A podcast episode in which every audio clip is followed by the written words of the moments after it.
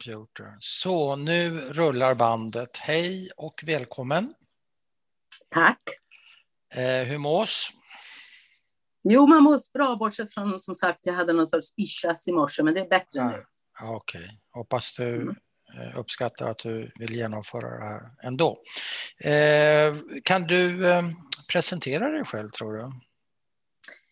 Ja, det kan jag göra. Jag heter Rut Jacobi. Jag är 72 år gammal. Eh, jag är det som du söker efter, alltså andra generationens överlevare. Både, båda mina föräldrar och min morbror och min moster var överlevare från kriget. Men det kan också, om du vill, kan man säga att jag är tredje generation, för även min morfar och farmor var överlevare. Okay. Mm. Och eh, jag har, ja det kommer jag berätta mer om sen, men, men eh, jag har ju haft en, en lycklig och skyddad barndom och uppväxt och studietid och yrkesliv. Jag har känt mig glad och harmonisk och trevlig och allt möjligt. Och det är väl kanske egentligen först ah, jag vill inte säga efter mina föräldrar dog, men i varje fall när jag var vuxen som jag började lite mer allvarligt fundera på, har det här påverkat mig överhuvudtaget, mina mm. föräldrars liv, mm. eh, deras öde och i så fall hur och vad har det betytt för mig och eh, ja, hur ska jag relatera till det? Och självklart blir svaret väldigt snabbt ja, det är klart att jag är påverkad enormt mycket, ja. totalt. Och då gällde det att försöka reda ut på vilket sätt och hur och varför och vad har det betytt för mig. Och det håller jag fortfarande på med. Så Aha. det var rätt roligt när du ringde för att det är ju klart att det här är någonting man tänker på. Jag gick faktiskt med i FFÖ så sent för några månader sedan. Okay. Föreningen Förintelsens överlevare. Just det. Aha. Och eh, detta eftersom, nu inte i år för det var ju ingenting, men de Nej. senare åren har jag ju varit i synagogan den 27 januari. Ja. Och på Malmös plats i synagogan. Och då delas det ju ut sådana här lappar om föreningen och de pratar ju mm. också mm. andra och tredje och fjärde generationen, eller tredje i varje fall. Mm. Och mitt, jag var där med mitt barnbarn och han sa, ja men vi kan ju också vara med, jag är fjärde generationen. Ja, och, ja, hur fint. Ja, så vi eh, blev medlemmar. Så att det var inte helt, eh, jag vill inte säga överraskande, men det var inte särskilt konstigt tycker jag när du bad mig eh, vara med på det här. Nej. För det är alltså någonting som har sysselsatt mig rätt mycket de senaste, vad ska vi säga, 10-20 åren. Ja. Att försöka förstå på vilket sätt. Hur har du gått tillväga? Har du eh, funderat och läst på kammaren eller har du ingått i någon grupp eller har du gått i terapi eller vad har du gjort? Nej, jag har inte gått i terapi och jag har inte gått i någon grupp. Nej. Och det är klart, jag har läst, men jag har ju varit uh, yrkesverksam tills för bara några år sedan, så jag har inte mm. haft tid med något djuplodande. Men däremot har ju, jag var ju alltså i Berlin i fyra år som, mm. som sändebud och eh, i Berlin kom ju min historia mig väldigt nära. Min mm. far jag kan komma in på det sen om du vill. Mm. Min far var ju född i Berlin, uppvuxen i mm. Berlin och uh, det tyska är, är väldigt nära. Va? Och jag pratade mm. sen senare tyska med min pappa. Så att uh, det, det betyder ju mycket.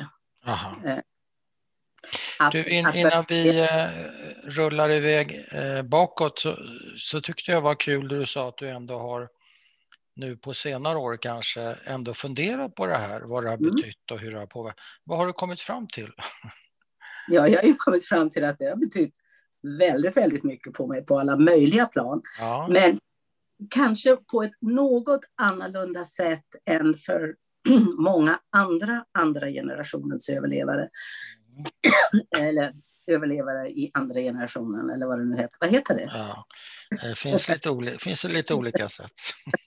Jag säger ja. andra igen. Ja, nej men för ja, jag vet inte vad jag säger, det spelar ingen roll. nej, men för en sak som är viktigt och det är att de två personer som naturligtvis har betytt mest för mig och som har påverkat mig mest, mm. nämligen mina föräldrar, de var faktiskt inte djupt traumatiserade av sina upplevelser som överlevare. De har visserligen, visserligen fick de flera gånger, det kan jag berätta om, fly för sitt liv. Mm. De svävar i livsfara. De eh, led otroligt många umbäranden, de svalt och allt möjligt. Ja, ja. Men, ja, men de utsattes aldrig personligen för förnedring, för, för ödmjukelse, förföljning. De var inte i läger, de misshandlades inte. Så att trots att de genomlevde alltså med stora svårigheter åren före andra världskriget och andra världskriget, mm. så hade de på något sätt sitt människovärde kvar. Va? Den var inte krossad och den hade aldrig egentligen ifrågasattes. Så de var, och, och gällde det de var, för båda? Ja, det gällde för båda. Ja. Eh, I motsats just till min morbror och hans fru och min morfar som ju deporterades till koncentrationslägret Theresienstadt. Ja. De, för dem var det annorlunda och därmed, det kan jag också berätta mer om, alltså när min morbror och hans fru som han träffade i, på koncentr i koncentrationslägret ja. i Theresienstadt lyckades rädda hem till Danmark då, eller mm. till Danmark, 1900 45 på hösten. Gick han och letade efter henne i Tjeckien ja. och hittade henne. Ja. och deras, alltså deras barn, mina kusiner, mm. växte upp i ett helt annan sorts hem än vad jag gjorde. Va? För där teg man. Va? Det var mm. inte någonting man talade om.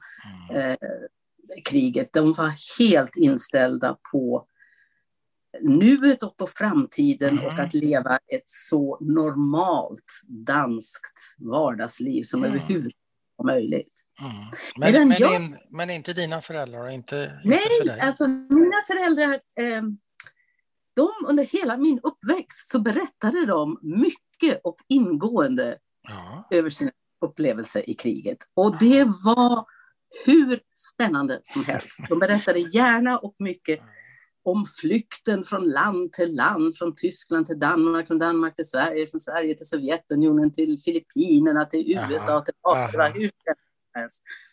Och det var eh, läget eh, i, på Filippinerna under kriget där de var i fyra år. Aha. Och branden i Manila. Jag kan, jag kan nämna ja. lite mer om det. Det var alltså ja. rena äventyrshistorierna. Ja. Och det var fanns uppenbarligen ingenting där som var så traumatiskt för dem att de liksom ville förtränga det eller ville Nej. tiga det. Men du blev, Men inte de... heller, du blev inte heller skrämd av deras berättelse? Nej, alltså jag vill inte säga att det framstod som normalt, för det var det ju inte. Men deras berättelse framstod, alltså för mig så var det spännande och definitivt, mm. det lät spännande och, och hjältemodigt och allt möjligt. Ja. Men det var i varje fall inte skrämmande, inte mörk, inte otäck, eh, men snarare märkvärdig, väldigt märkvärdig i positiv bemärkelse. Ja. Snarast. Men, men hur blev relationen, vad sa du, var det en morbror där i Theresienstadt eller vad var det för någonting till dig? Ja, var det, en morbror? ja, det var min mammas lillebror. Ja. Hur blev deras relation sen efter kriget? Om de var rätt så traumatiserade, dina föräldrar verkade ja, den... lite mer robusta, hur funkade det? Ja, det var inte att mina var robusta, men det var just det alltså. här att de, att, att de inte de hade ju faktiskt inte utsatts för att deras människovärde knäcktes. Va? De var ju intakta som människor. Ja. Även om de fick fly för sitt liv. Ja. Men hur blev, det, hur blev mammas och morbrors relation då? Ja, den var väl... De hade varit oerhört täta varandra tidigare och mm. de var väl det också senare, men det var inte samma sak. Dels tror jag förmodligen hade min mor också skuldkänslor gentemot mm. både honom och, och, och uh, sin far. Han dog ju sen direkt efter han kom mm. hem från kriget. Men så det var dels det och sen, ja, sen, sen var det, det var, det, det var en, en, en, avgrund mellan dem, det, det var det säkert. Mm. Så de, var, de var goda vänner och de, de uh, älskade varandra, men det var inte riktigt samma sak som före kriget. Men när, du säger, när jag säger att de är robusta, dina föräldrar, så säger du nej men robusta, vad var de då, då om de inte var robusta? Jo, de var naturligtvis robusta, men jag tror inte det går att jämföra deras eh, överlevnadsresa eh, med de som hamnade i koncentrationsläger. Alltså det, det är inte Nej. samma sak. Nej. Det, de, man, de, inte, det behöver man inte göra. Nej. Ja. Eh, men, men, men, de var ja, de var på något sätt hela som människor. Ja, ja. Intressant. De var intakta. Ja. Eh, vad, var, var, vill du börja någonstans? Vill du börja i nuet eller vill du börja i dået eller någonstans mitt emellan? Ja, men jag kanske kan berätta lite så att uh, det blir lättare för dig sen kanske att ställa frågor. Jag kan ja. berätta lite om, om alla de här flykterna hit och ja, dit. Och... Gärna. Mm. Alltså min far han föddes då 1903 i Berlin. Mm, och han heter? Och upp i Berlin. Vad sa du? Han heter? Erich Jakob. Erich Jakob. Erich Helmut Jacobi. Till och med. ja. Och eh, i en eh, ja, medelklass tysk judisk Berlinfamilj. Mm. Eh, pappan var läkare. Eh, han, eh, men pappan dog när han var ganska ung, när han var 15. Så han växte mm. upp med sin mamma och sin syster och han studerade juridik och han blev till och med domare på mm. domstolen, eh, eller jobbade som, som på domstolen Berlin-Schöneberg. Mm. Och sen blev han 1931, tror jag det var, blev han jurist på tyska, eller, tyska järnvägsarbetarförbundet. Ja, är, det, är det ett fackförbund eller vad är det? det för ja. mm, och det var ett ganska radikalt fackförbund. Ja, ja. Militant progressiv fackförbund. Ja. Och det här var 1931 och just 32, det var ganska tuffa år och min far mm. hade mycket jobb. Han varade åtskilliga sådana här järnvägsfackliga ombud som hade hamnat ja. i det var mycket strejker och det var allt möjligt. Och, ja. och var han hamnat... själv övertygad socialdemokrat? Eller vad stod han ja, han var, han, var social, han var socialist. Han gick med i tyska socialdemokratiska partiet när han började jobba på fackförbundet. Ja, okay. Det var då han gjorde det. Men, okay. men han var självklart... Men han var vänster, han var socialist. Absolut. Ja. absolut. Ja, ja. Eh, och, och, och eh, var väldigt aktiv också i, i fackföreningspressen och det, debatten där. Han, eh, men, det, det är klart, ju... som eh, karriärdrag är det ju rätt så förödande med tanke på att 33 är runt hörnan. Ja visst, alltså det var, han, som sagt, han hade några tuffa år där med mm. att försvara eh, olika uppmärksammade mål, ja. fackliga företrädare som hade hamnat, eh, som hade åtalats. Eh, men sen blev det ju faktiskt efter Hitlers maktövertagande i januari 33, då blev det ju liksom nästan omöjligt att, att fortsätta. Just fackföreningarna var, och deras företrädare var enormt utsatta och förföljda. Mm. Mm. Det här var då januari 33. Det blev bara värre och värre och eh, till sist så sa hans kollegor till honom att eh, han hade en ganska utsatt position, att nu måste du sätta dig i säkerhet, här går det inte att vara. Så han sov eh, på olika platser varje natt där i, i början på mars 33. Och sen så såg hans kollegor till på, på järnvägen att han klädde ut sig till konduktör och han satte på nattåget till Köpenhamn den 31 mars 1933. Det är tidigt ändå, väldigt klarsynt. Ja, eller kan man säga i sista ögonblick. För första ändå. april 33 upplöstes ja. alla tyska fackförbund. Ja, och första april 33 så förbjöds också alla av judisk börd att inneha eh, offentlig tjänst. Mm. Vad hände då? Vad, vad hände med pappas eh, mamma och det var en syrra också? Va? Ja, en syrra också. Ja, vad hände var... med dem?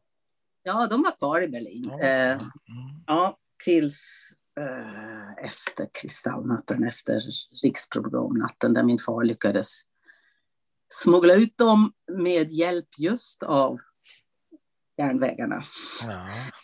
Men han lyckades inte få in dem i Danmark, men jag kan återkomma till det. Men han lyckades, och det måste jag forska mer i, han lyckades ja. få in dem till Malmö, vilket var ganska nära Köpenhamn. Ja, ja. Men hur som helst, han satt på det här tåget på natten den 31 mars och han hade ingenting med sig, Nej. mer än Goethes Faust som han hade i fickan. Okej. Okay. ja. Och han trodde ju inte att han skulle vara borta så länge. Va? Det var ju ingen som trodde. Så kom han till Köpenhamn och där förblev han i sju år. Kände han någon där? Nej. Nej. Och han kunde ingen danska heller. Och dessutom Nej, såklart. ospråkbegåvad. Men han försökte på ett annat sätt bygga upp en existens, ja. Eh, lära sig danska, vilket han gjorde väldigt dåligt. Han ja. skrev för den internationella fackliga pressen. Han eh, sålde olika saker och hattar. Och det, han, han försökte klara sig på något. Han skrev mm. alltså mest för fackliga pressen. Men under dessa mm. år så träffade han också min blivande mor, Lotte, som var dotter till överrabbinen i Köpenhamn. Och, eh, Va, vad hette han? Eller vad, vad hette hon i efternamn? Ja, eller, ja. Fridiger. Ja. Och överrabbinen hette? Moses, eller Max Moses Fridiger. Ja, okay. eh, och eh, det, han, han, var alltså rabbin eh, innan eller före ben, eller vad heter han, eh, Marcus Melcher. Mar mm. Eh, men eh, ja, och de, de blev väldigt kära i varandra. Hur träffas och, de? Vet du det? Nej, det vet jag faktiskt inte. Nej. Det var i någon, i någon ah, vänsterjudisk studentsammanhang. Inte, ja. Jag vet men det sa, det sa pang. Det sa pang, jag tror att det var 35 eller något. Ja. Men sen var ju problemet att eh, det var väl, han, min far var väl inte precis drömsvärsonen för rabbinen och rabbinskan. Han var statslös, han var, hade inget arbete, han hade inga pengar, han hade han hade egentligen ingenting. Va? Nej. Men, han, kanske, han kanske inte uppfyllde de judiska traditionerna och sånt där. Han inte ens det. Nej, han var väl kanske inte intresserad av det. Nej. Han var ju, han var ju fackligt engagerad. Ja, ja, ja. Nej. Så att det var verkligen inte drömpartiet. Eh, men till sist, de var kloka, så gick de med på det att de skulle gifta sig och min morfar rabbinen skulle alltså viga dem ja. i synagogan i Köpenhamn den 14 april 1940. Okay. Och eh, inbjudningskorten var utskickade och allt var liksom frid och fröjd. Ja. Men den 9 april på morgonen ja. då invaderade ju tyskarna Köpenhamn och Danmark. Mm. Eller Danmark och någon timme senare Köpenhamn. Och min far förstod att klockan var slagen. Han var ju ja. ganska känd och utsatt ja. som antinazist. Så att han sprang hem till rabbinen, knackade på dörren klockan sju på morgonen och sa jag måste åka, Lotte comes to meet. Mm. Alltså Lotte, kommer du med mig? Mm. Ja, visst, sa hon. Ja. Och eh, hennes lillebror då eh, skjutsade dem i, i stor hastighet, lånade en bil och, och, de åkte iväg för att försöka hinna sista färjan från Helsingör till Sverige. Ja. Men de såg den tuffa ut vid nya tiden när, innan gränserna stängdes, så de hann inte. Men då började de leta efter någon fiskebåt som kunde mm. segla dem över och förmodligen var de de absolut första flyktingar som som klandestint av en fiskare eh, skjutsades över mm. till Sverige. De kom fram till Höganäs på kvällen den 9 april 1940. Utan... Fick, de, eh, fick de betala för den där eh, resan, överfarten? Ja, det fick de. 2000 danska kronor, vilket var allt de hade. Ja. Så de kom till Sverige utan pengar, utan annat än kläderna på kroppen. Ja. Och ogifta dessutom. Papporna låg ju på rådhuset ja. i Köpenhamn. Så det var vad, vad tyckte morfar då? Han, han, han säga någonting? Hade han någon åsikt Nej. i frågan? Att de stack? Jag, tror inte han tyckte det var sådär inte. vansinnigt uh, lyckad. Nej, det tyckte han inte. Men uh, ja, det var så. Sen just för att att göra honom, uh, för att lugna honom, så alltså de försökte ju få papprena från Köpenhamns rådhus till Stockholm i sin tid. Men det gick inte, va? för det var ju stängda gränser. Det var omöjligt. Men rådhus, skulle honom... väl gifta sig i, i Gogan? Varför jo, men papperna de, i rådhuset? De, ja, de civila papperna måste ha legat ja, ja, de civila. Mm. Just det. Men de vigdes sen av, eh, och det får man tydligen av en ortodox jude i Stockholm. Ja. Jakob Ettlinger. Ja som vigde dem enligt alla konstens regler mm. på judiskt vis. Mm. Och eh, då kunde de ändå säga att de var vigda inför Gud, om än mm. inte inför det civila samhället. Inte borgerligt, nej just det. Ja, men sen vidare, alltså de var i Sverige, men de kände sig ju inte så där vansinnigt trygga precis. Eh, och det var inte lätt att få stanna i Sverige heller och att jobba där och, och, och så där. Så att de hoppades att de skulle lyckas kunna ta sig till USA. Det var ju många som hoppades detta, men det var ju alldeles för sent, för det var ju redan krig i Atlanten, så det fanns ingen möjlighet. Och sen, det här måste jag forska i, jag har inte riktigt fått klart hur det gick till, men det fanns tydligen någon konsul någonstans. Om det var i södra Sverige eller Köpenhamn vet jag inte, som eh, utställde viseringar till Filippinerna som var en amerikansk koloni eller protektorat på den tiden. Just mm. Så plötsligt så fick min far möjlighet, eller han fick ett visum till Filippinerna. Ja. Jaha, då fortsatte äventyret. Efter nio månader i Sverige, alltså i december ja. 1940, så eh, började de sin, näst, sitt nästa äventyr, resan österut, eh, genom Sovjetunionen, till Moskva först och sen på Transsibiriska järnvägen till Vladivostok. Och detta mitt under alltså Ribbentrop-pakten. Ja, ja okej. Okay. Inte helt ofarligt. Och, eh, ja, Men, då... Innan du fortsätter här, vänta ett tag, det är så mycket som snurrar runt här, eh, i mitt huvud i alla fall. Eh, eh,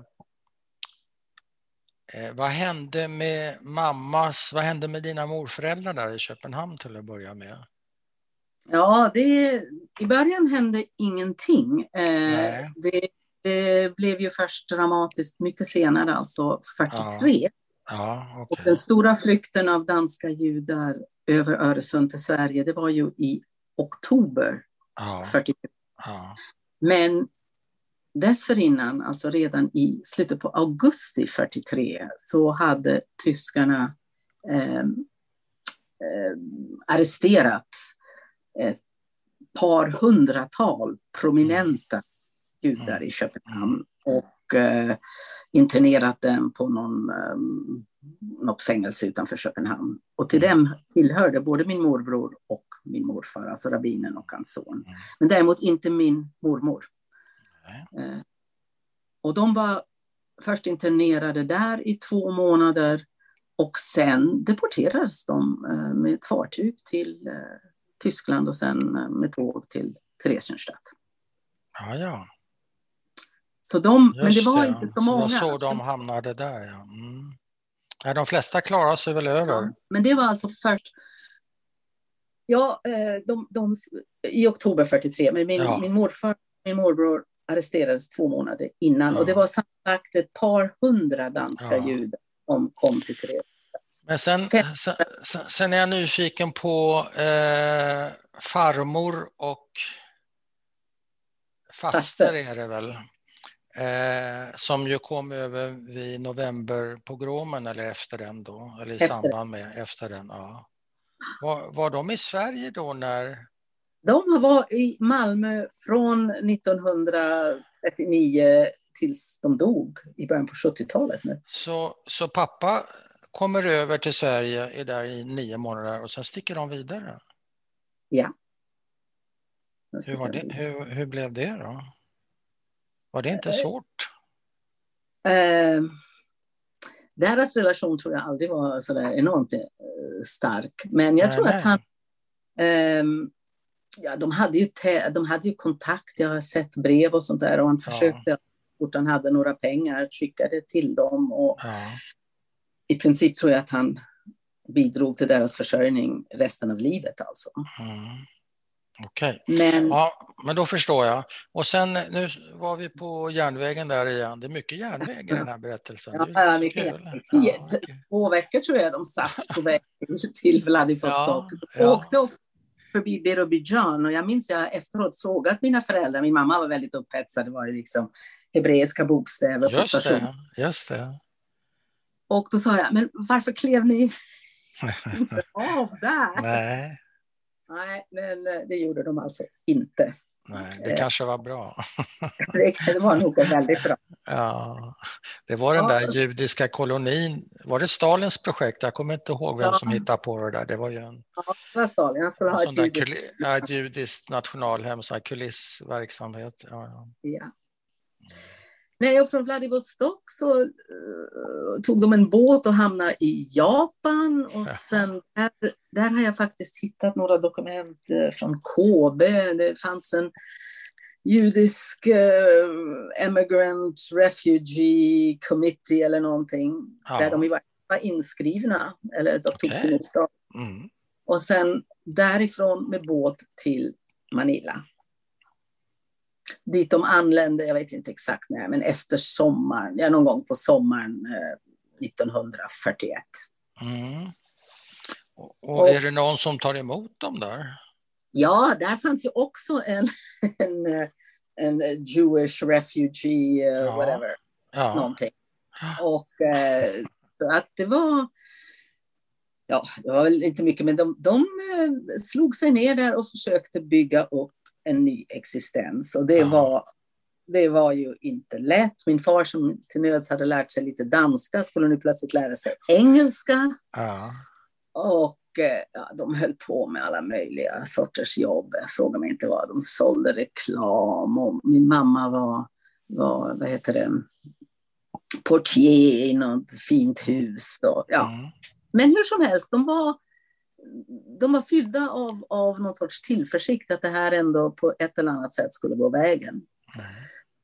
Men det gjorde det ju inte riktigt, för bara sex månader efter de kom fram så eh, bombade japanerna Pearl Harbor. Just det. Och det var krig mellan USA och Japan och mm. Filippinerna ockuperades av japanska trupper. Mm.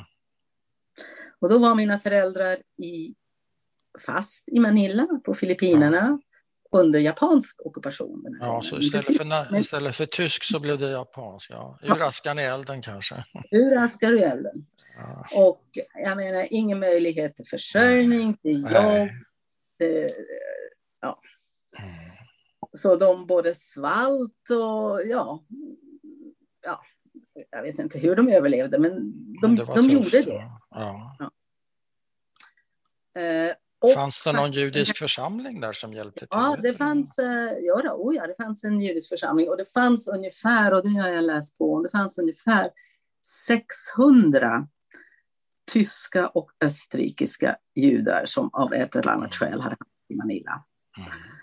Och eh, det fanns en rabbi Schwarz som de blev väldigt goda vänner med och okay. eh, och det finns, fanns alltså väldigt många historier där om vad som hände. Bland annat just den här lilla tysk-österrikisk judiska församling i Manila utsattes faktiskt inte av, för någon förföljelse av japanska myndigheterna. Okay. Och eh, alltså medan de som var amerikaner, de internerades, britterna Aha. internerades, mm. alla allierade internerades. Okay. Min mamma som var danska internerades inte, mm. för att hon var ju friendly alien. Det var ju av tyskarna ockuperat land. Just det, ja, ja. så det var ett plus. Det var ett plus. Jaha. Men sen, och det, det, är en, det är en fantastisk historia. Eh, japanerna förstod sig ju inte riktigt på de här konstiga tyska och österrikiska människor som var där. Nej. Och eh, en dag, förmodligen, inte vet jag, 42 någon gång, kallade eh, den här kommendanten, japanska kommendanten, till sig eh, den unge rabbinen. Mm. Och frågade liksom, vem är ni egentligen? Och ni är tyskar och österrikisk, mm. Varför är ni här och inte i Tyskland? Och, efter, och den här unge rabbinen som efter det kallades för Wunderrebbe ja. svarade Yes, because Hitler says we are Asiatics. Ja. och då säger japanen, ah, Asiatics, very good. ja, det var kosher kan man säga. Ja, very good. Hur som helst, det där gick ju sen snabbt eh, från bad to worse för att ja. eh, kom amerikanska bombningar och sen japanerna satte staden i brand. Eh, Manila eller vad? Manila, ja. Brändes ner helt alltså. Och eh, det var sån här scorch earth policy. Mm. Och mina föräldrar sprang för sitt liv genom den brinnande staden och ner till hamnen för de tänkte det var trevligare att drunkna än att brännas levande. Eh, och de överlevde och sen kom ju amerikanerna och befriade Manila då. Mm. Eh, april, maj 45. Mm. General MacArthur. Mm. Och så lyckades de sen eh, komma iväg på ett amerikanskt eh, krigsfartyg som mm.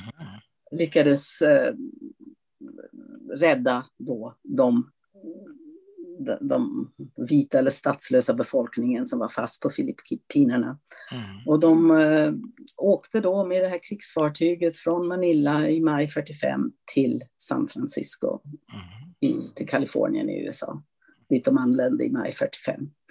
Och då, då återigen med bara kläderna, de trasiga kläderna som de hade på kroppen, ingenting annat Nej. utom ett manuskript i fickan som min far, eh, till en bok som min far höll på att skriva.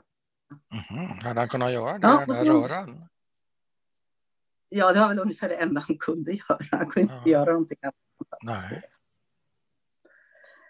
Ja, det var då maj 45 och då gällde det, kunde man stanna i USA, kunde man få papers där, kunde man etc.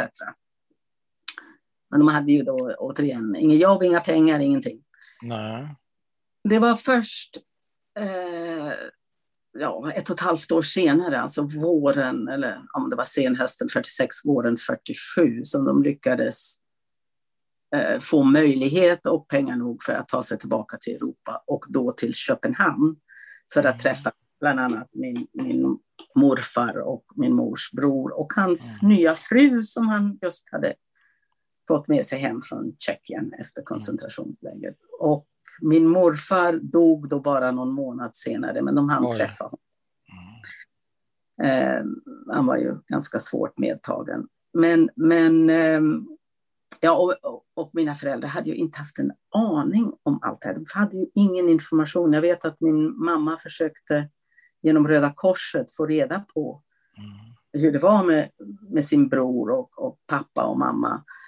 Och eh, när de var i Manila och hon fick telegramsvar, det har jag sett här i någon perm, där det står att Mother, uh, Mother Sweden, Stockholm, mm.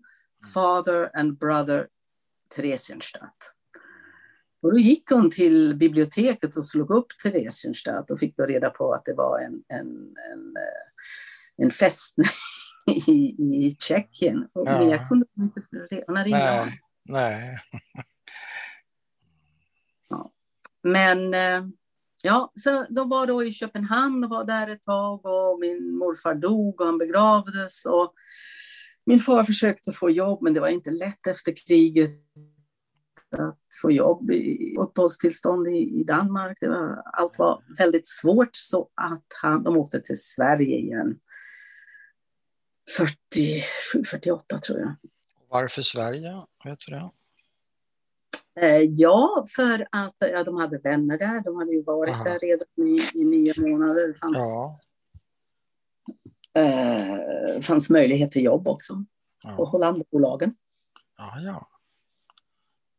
För båda eller för? Nej, bara för, bara för min far. Min, min mor tror jag inte jobbade hon hade jobbat tidigare på något laboratorium. Hon är ju halvmedicinare, hon blev aldrig klar med sin medicin.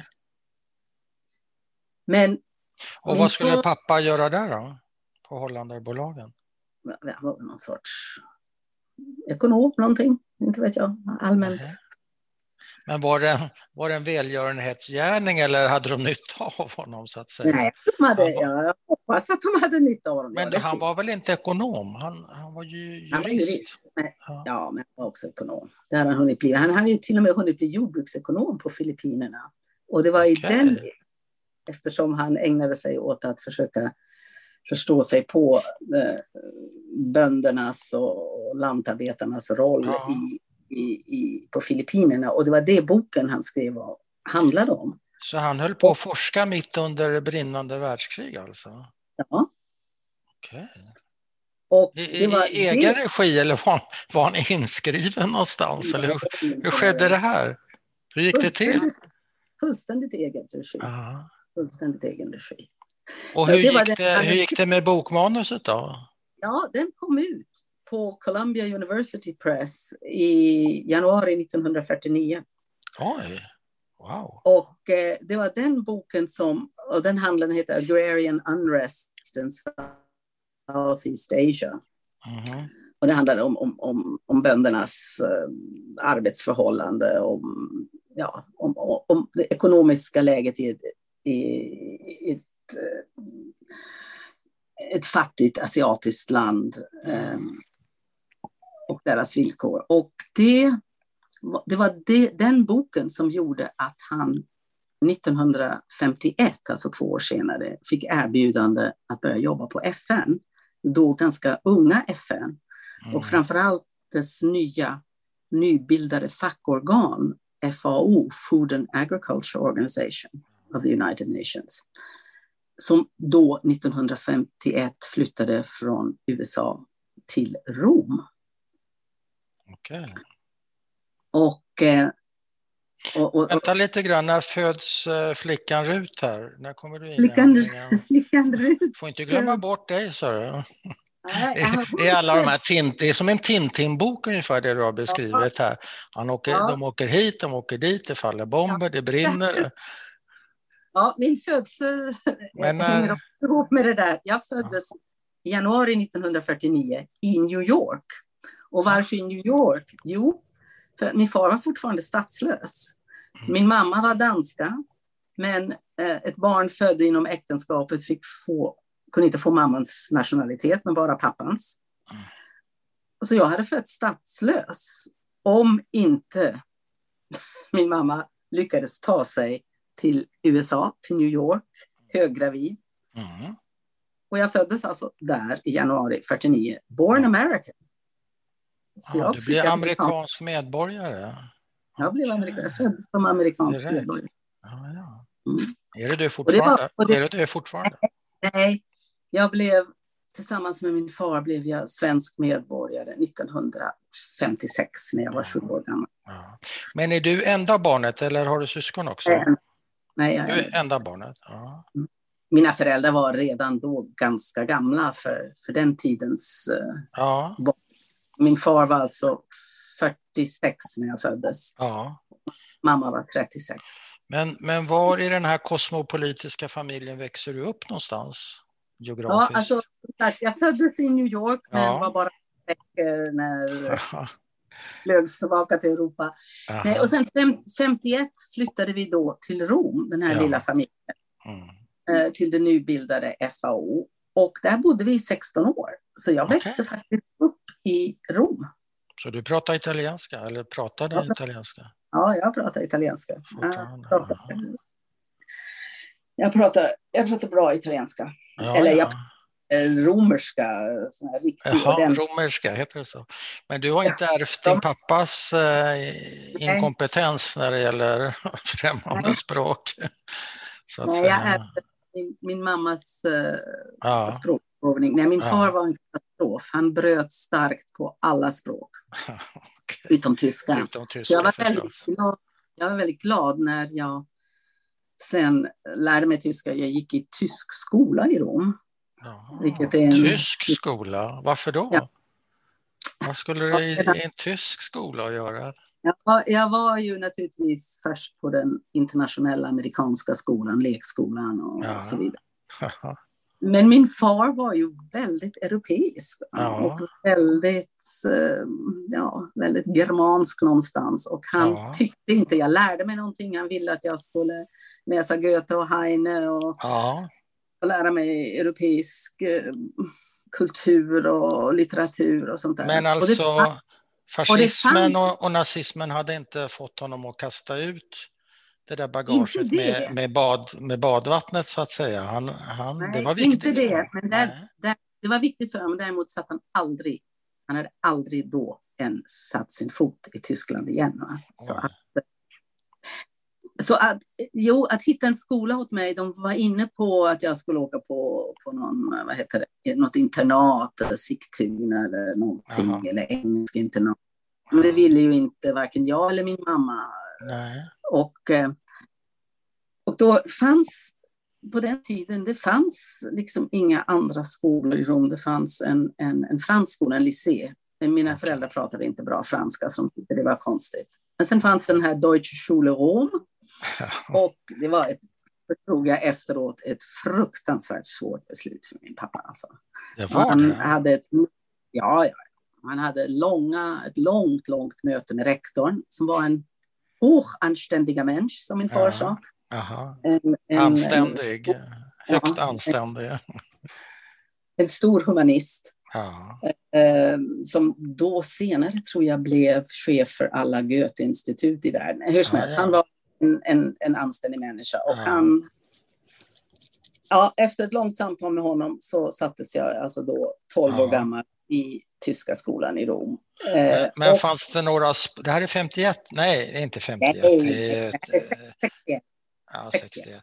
Nej, jag bara tänkte höra, finns det fortfarande några spår, några vibbar kvar av, av, av den tyska nazismen vid det laget eller, eller är det bortstädat nej, helt och hållet? Nej, den är uppstädad. Den är inte bearbetad än, för det hade man nej, inte. Nej. Men eh, nej, Men, jag Inga gamla inte... lärare och inget, sånt, inget sånt nej, där? Nej, nej, nej. Det, det, här var ju en, en tysk eh, statlig skola och ja. lärarna var mest unga. Ja, de hade eh, bytts ut förmodligen.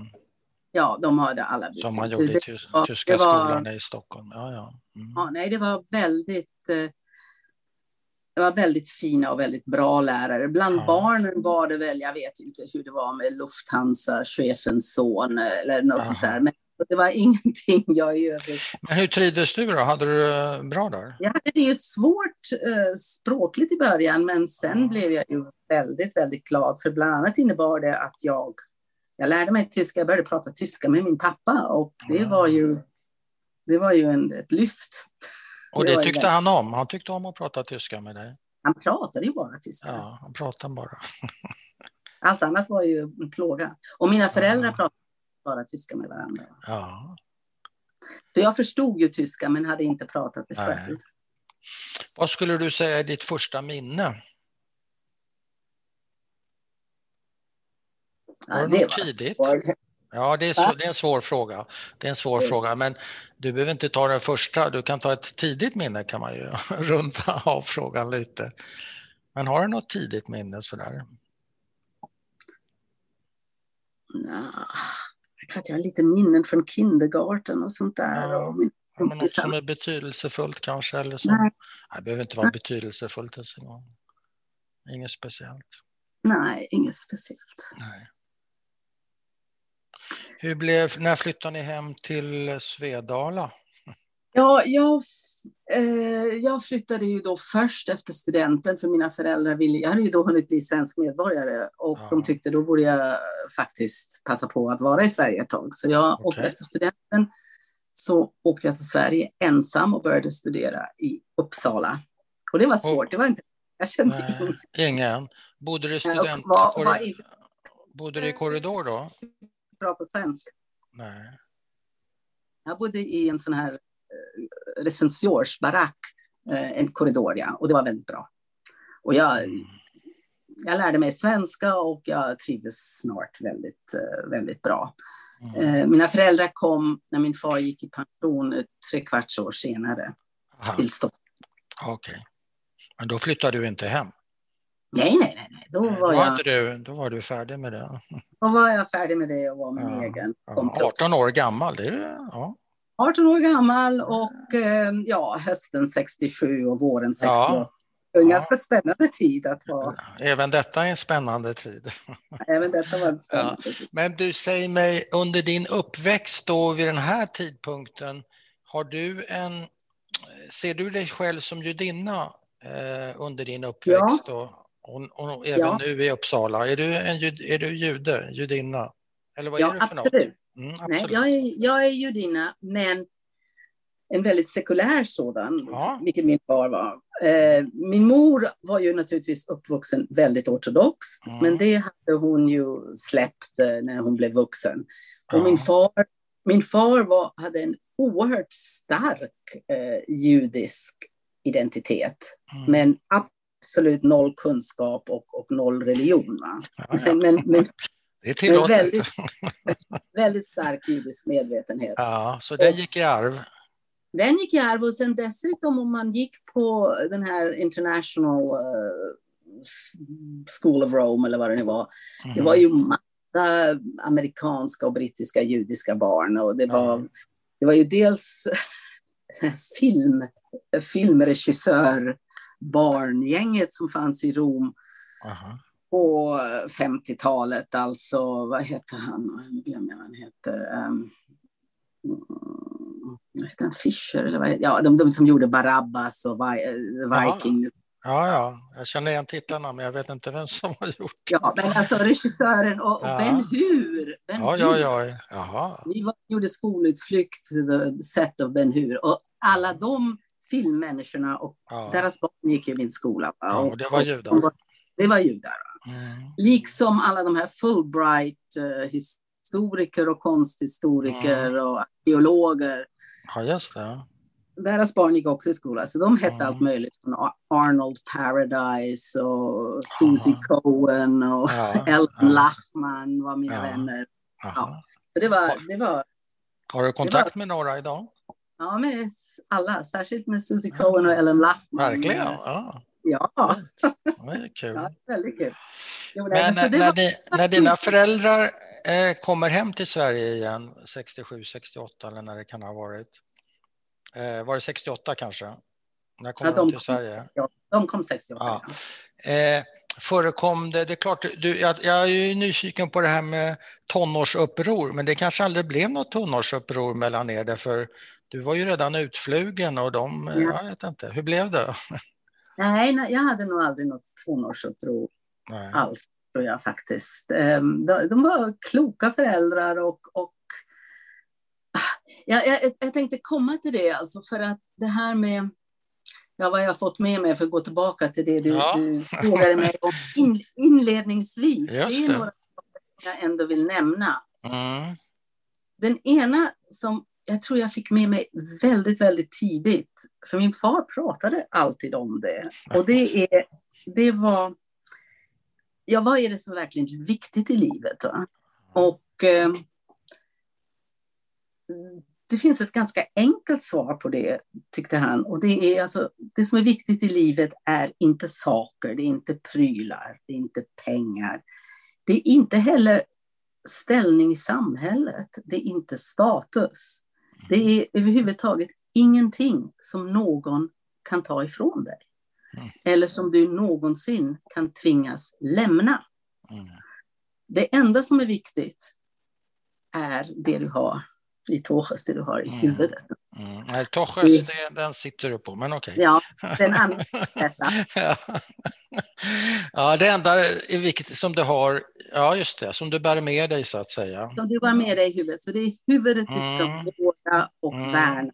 Mm. Du ska se till, det är dina färdigheter, dina kunskaper, du ska ja. lära, du ska läsa. Ja. Du ska ha allting med dig här ja. Vårda det. Och det här Sa han det ofta alltså? Pratar han om det ja, mycket? på något sätt måste han ha gjort det, för jag känner det där så otroligt starkt. Va? Och det där hade han naturligtvis hade ett långt liv ja. och erfarenheter lärt honom. Va? Eller han hur? Fick, han fick ju faktiskt, inser jag, börja om från mm. scratch, från början. Ja. Sju gånger i sitt liv. Med ett Oj. nytt språk, nytt land, Ja. Nytt yrke, inget yrke. Men han var jurist, Nej. han blev affärsman, ja. han blev internationell tjänsteman. Han blev allt möjligt. Ja. Han, han sålde real estate. Han, han gjorde precis whatever. Va? Mm. I ett nytt språk, ett nytt land och började om gång på gång på gång. Va? Och senaste gången, eller de senaste två gångerna, dels var han 48 år när vi kom till Rom och han plötsligt blev FN-tjänsteman. Ja, det. Ja. Ja. Och sen då efter pensionen där han eh, blev någon sorts slags professor på riktigt, alltså en akademisk professor i, i Stockholm. Ja. Utan att någonsin egentligen ha varit på ett universitet förut, va? Okay. mer än han. Mm. Så att det här med att det man bär med sig, att det är det mm. viktiga och centrala, det, det fick jag mm. fick jag klart för mig väldigt det är, väl en, det är väl en rätt så vanlig föreställning i, hos människor som har levt i, under flykt så att säga. Eller är uppvuxna ja, kanske med föräldrar som har levt under flykt. Ja, det, vill säga, det är det enda man kan ta med sig, utbildning och kunskap. Det är det enda man kan ta med sig. Men den andra nästan lika viktiga, eller lika viktiga saken som jag också fick väldigt starkt med mig från början och det är det här med betydelsen av riktiga vänner. Mm. Alltså sådana som man kan lita på i vått och torrt till 100 procent. Och eh, ja, det, det, är naturligtvis väldigt trevligt att ha bekanta och trevliga vänner som man kan tillbringa trevliga, sin lediga tid med och det är mm. positivt och det är bra. Men det är inte det som är helt och hållet avgörande. Det avgörande är vem kan man gå till när man är utblottad, rädd, förföljd, fattig, mm. smutsig, hungrig, mitt i natten. Mm. Vem kan, kan man lita på? Som då ställer upp och skyddar en, eller hjälper en eller tröstar en. Mm. Och båda mina föräldrar fick ju tillfälle, eller ja, tyvärr, att ställa sig den frågan mm. ett antal gånger. Och, och resultatet var ju alltså helt avgörande för deras överlevnad. Mm. Det fanns ju personer som, som fanns där för dem när det verkligen behövdes. Och jag, jag fick med mig det på något sätt och jag har alltid varit som jag, ja, jag, jag är ju själv ganska trevlig och social och jag har aldrig haft svårt att få vänner och det har varit kul och allt möjligt. Och ändå, ja, ändå så har jag det i mig att jag då och då stannar upp och frågar mig om det nu är så att jag är helt förtvivlad och men så jag, om, man, om man är ung och glad och pigg och och vi i kassa och, mm. och trevliga att umgås med, så har man många mm. vänner. Mm. Men vem har jag när jag inte är det? Va? När jag faktiskt är fullständigt utblottad och förtvivlad mm. och rädd. Var går jag då? Så mm. går han igenom sina vänner. Vem skulle jag kunna ringa på hos mitt i natten? Mm. och då är det faktiskt ganska intressant att det är inte så många. Det är inte så många. Och de som, det är, som man kommer på att man skulle kunna göra med det, de gäller det att vara jäkligt rädd om. Ja. Vård. Men kan du, har... kan du veta det i förväg vem du kan lita på? Ibland blir man ju överraskad positivt och negativt, det vill säga någon som man tror är en, en, ett fundament för en eh, är inte där och någon som man kanske inte, som man tyckte var rätt så fladdrig kanske är väldigt pålitlig. Jo, ja, absolut. Jag har ju som tur är, jag har haft ett, ett skyddat och behagligt liv. Jag har aldrig behövt ställa det, sätta det här på sin spets. Men, jag Nej, tror men du har det, tänkt på det alltså? Du har en, liksom en sån det, loop där, det, där det går igenom? Ah. Ja, eller regelbundet är väl att ta i, men ja, då och då. Det händer. Det händer ja. ja men särskilt eftersom Intressant. jag har varit jag har varit eh, privilegierad så tillvida att jag har haft relativt höga ställningar på olika ställen och alla har varit otroligt trevliga mot mig. Mm. Det, ja, det, det, är man ju när, man, när det går bra för en, då är folk trevliga. Ja, exakt. Och då är jag liksom oerhört misstänksam. Ja. Varför, varför, är du så trevlig mot mig? Ja. Är det för att det ena och det andra? Men är, är det ett arv från, från dina föräldrar skulle du säga? Jag det här? Det är, ja, det tror jag. Det tror jag. Absolut. Alltså att verkligen försöka sätta värde på, på innerst inne. Och sen är det möjligt att, att det kanske är fler än vad jag trodde och det är i så fall en positiv överraskning. Men att, att ja, ställa sig frågan och försöka att inte bli smickrad av folk som bara är vänliga för att man är så trevlig och ja. framgångsrik och vad det ja, är. Ja. Men har du aldrig behövt äh, sätta det här på prov? Har du aldrig stått mitt i natten och knackat på dörren hos en kompis? Förtvivlad och ledsen och behöver inte vara utblottad men man kan ju vara ledsen. Ja, nej, jag har faktiskt. Jag har faktiskt inte gjort det, men jag har tänkt på det ofta. Vad skönt. ja, det, ja, det är väldigt skönt. Det är ju ingenting man ska sträva efter givetvis. Jag tänker på det här det judiska igen vill jag komma tillbaka till en liten mm. extra sväng. För det, det var två grejer som du ville ta upp, eller hur? Det har du gjort ja, nu. Kanske en, en ja. sak till. Ja, eh, eh, och det är det här med, med eh, jag sa tror jag inledningsvis någonting om att jag tyckte mina föräldrars liv var spännande och märkvärdig. Och det är klart, det, det färgade av sig på mig som barn också. Jag var väl också lite märkvärdig då eftersom mina föräldrar hade ett sånt märkvärdigt liv. Ja. Eh, men men eh, eh, det, det, vad betyder det att vara märkvärdig? Att man är annorlunda. Och är man annorlunda är det snubblande nära till någon sorts känsla av utanförskap kanske också. Kanske. Mm.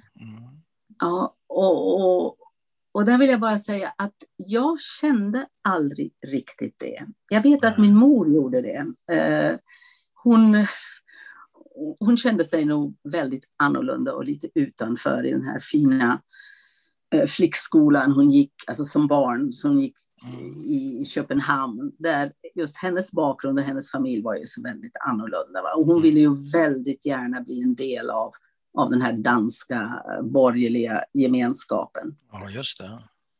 Eh, jag hade aldrig riktigt, jag kände aldrig riktigt på det viset och möjligtvis hade det att göra med att vi bodde i Rom, där vi sowieso var helt utanför den här italienska eh, sociala strukturerna, de var ju mm. omöjliga att komma in i.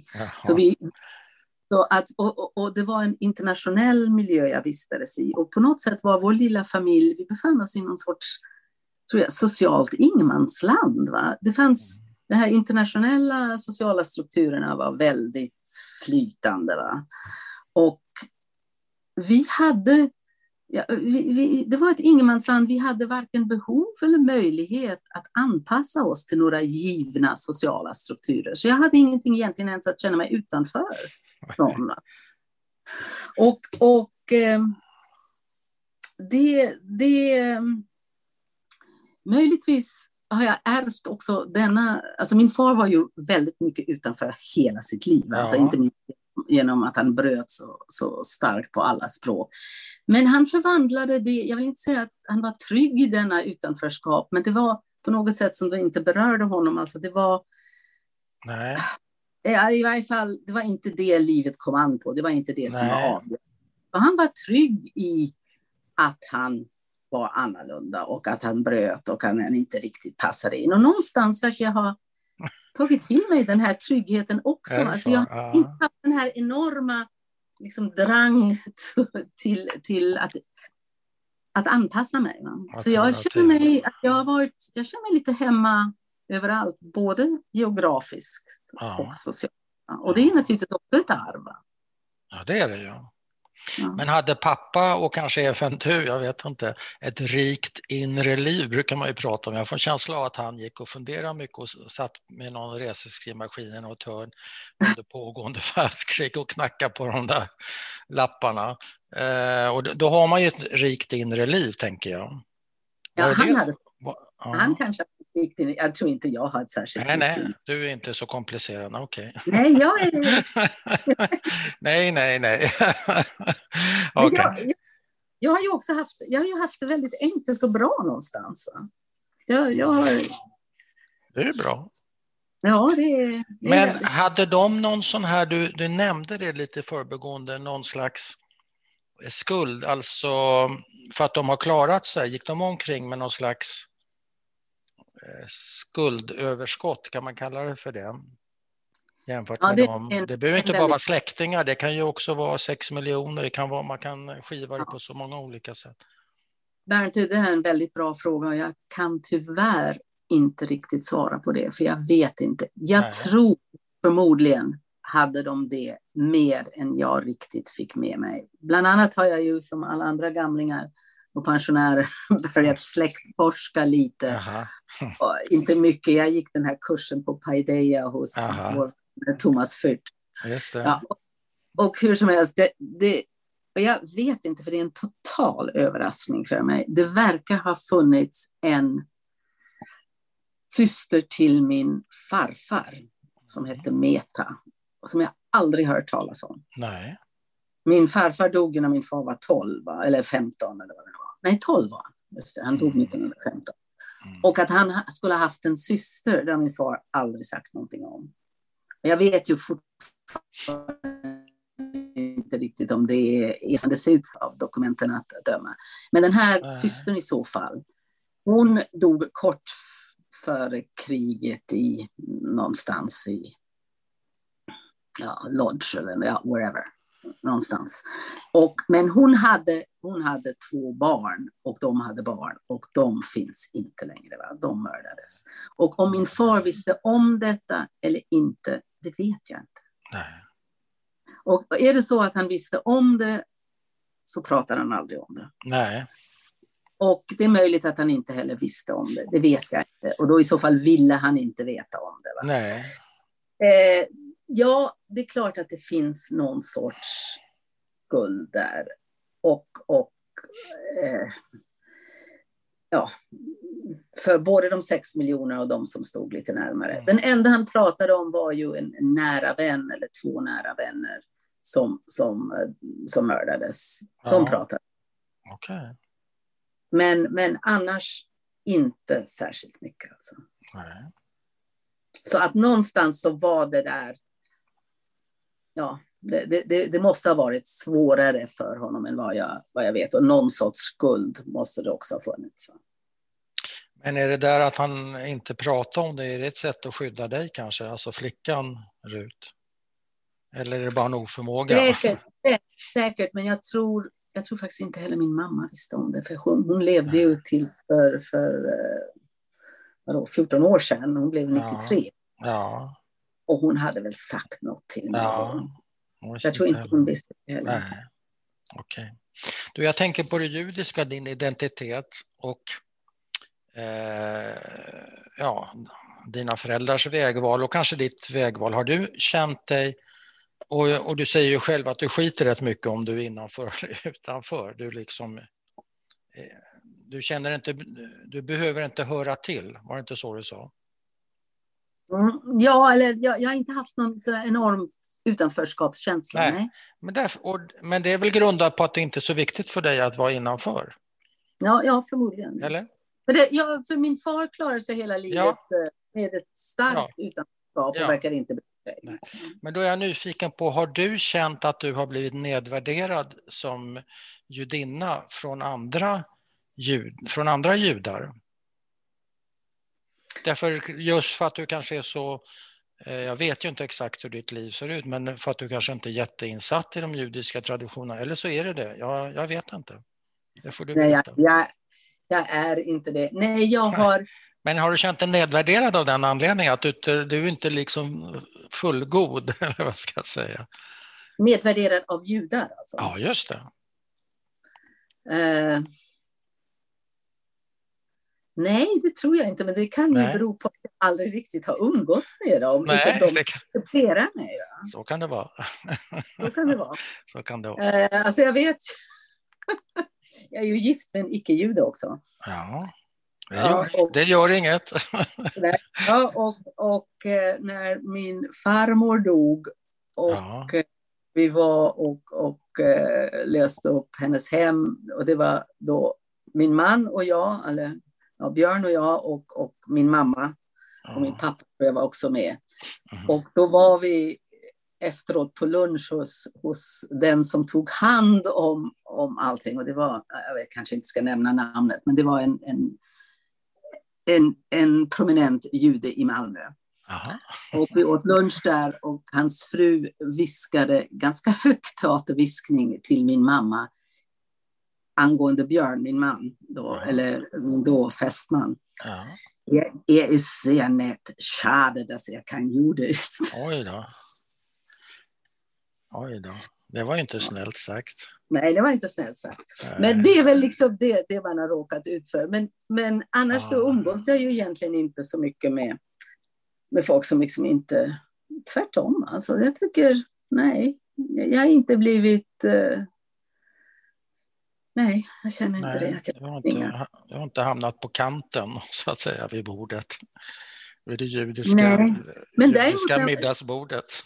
Nej, men däremot i takt med att man blir äldre så blir man ju mera judisk och mera intresserad också av, av, av traditionerna. Så, alltså traditionerna har jag väl någorlunda med mig. Eh, ja. Vi, fir, vi firade alltid chanukka hemma och så ja. ja. Men, men det är klart att jag blir arg fortfarande på mina föräldrar.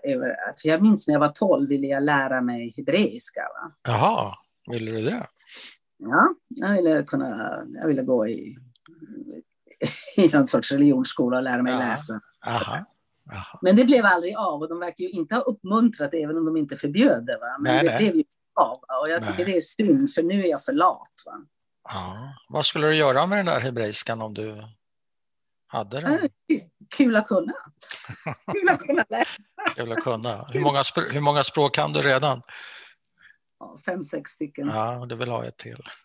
ja, men jag har kunnat läsa de där konstiga krusidullerna. Ja. När jag tittar i sidor och försöker ja. läsa ESA. Det ju skönt men, att slippa översättningen. Ja, det kan jag förstå. Men du säger att, eh, hur var det du sa nu igen, eh, med åldern så blir man lite mer intresserad av sitt arv och det gäller väl alltså man, alla som ja. har vårt arv, judiskt eller inte, man blir mer intresserad ja. helt enkelt av var man kommer ifrån och kanske vart man är på väg möjligen. Men eh, är det mer än bara, bara släktforskning du pratar om då? Är det någonting, är det någonting mer som du skulle säga att, att det har Ja, ja absolut. Alltså, mm. Släktforskning är ju liksom lite kul för det. Ja, det är kul.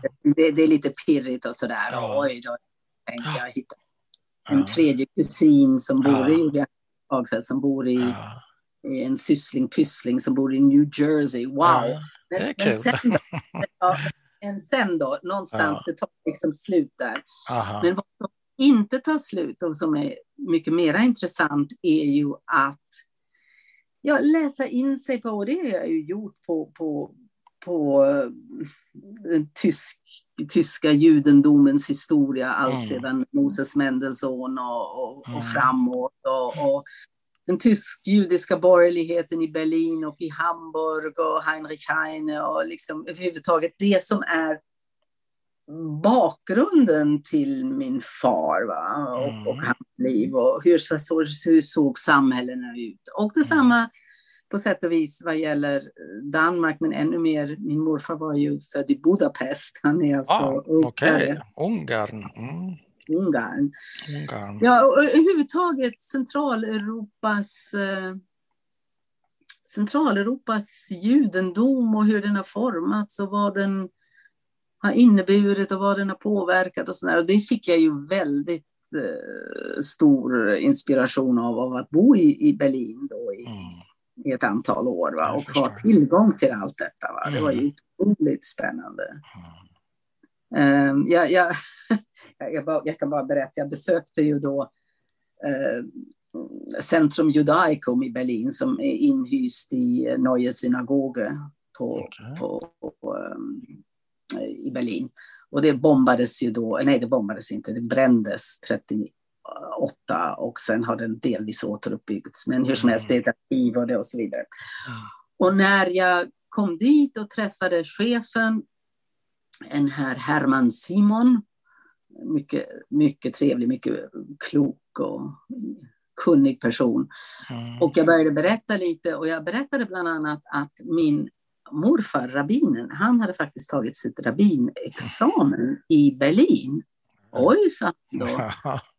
Eh, var då då? Och jag sa ja, han var ortodox. Jag, Jaha, då måste han ha tagit det här i, i det här huset, i det, det här ja. den, den um, ortodoxa rabbinskolan, Hirsch, ja.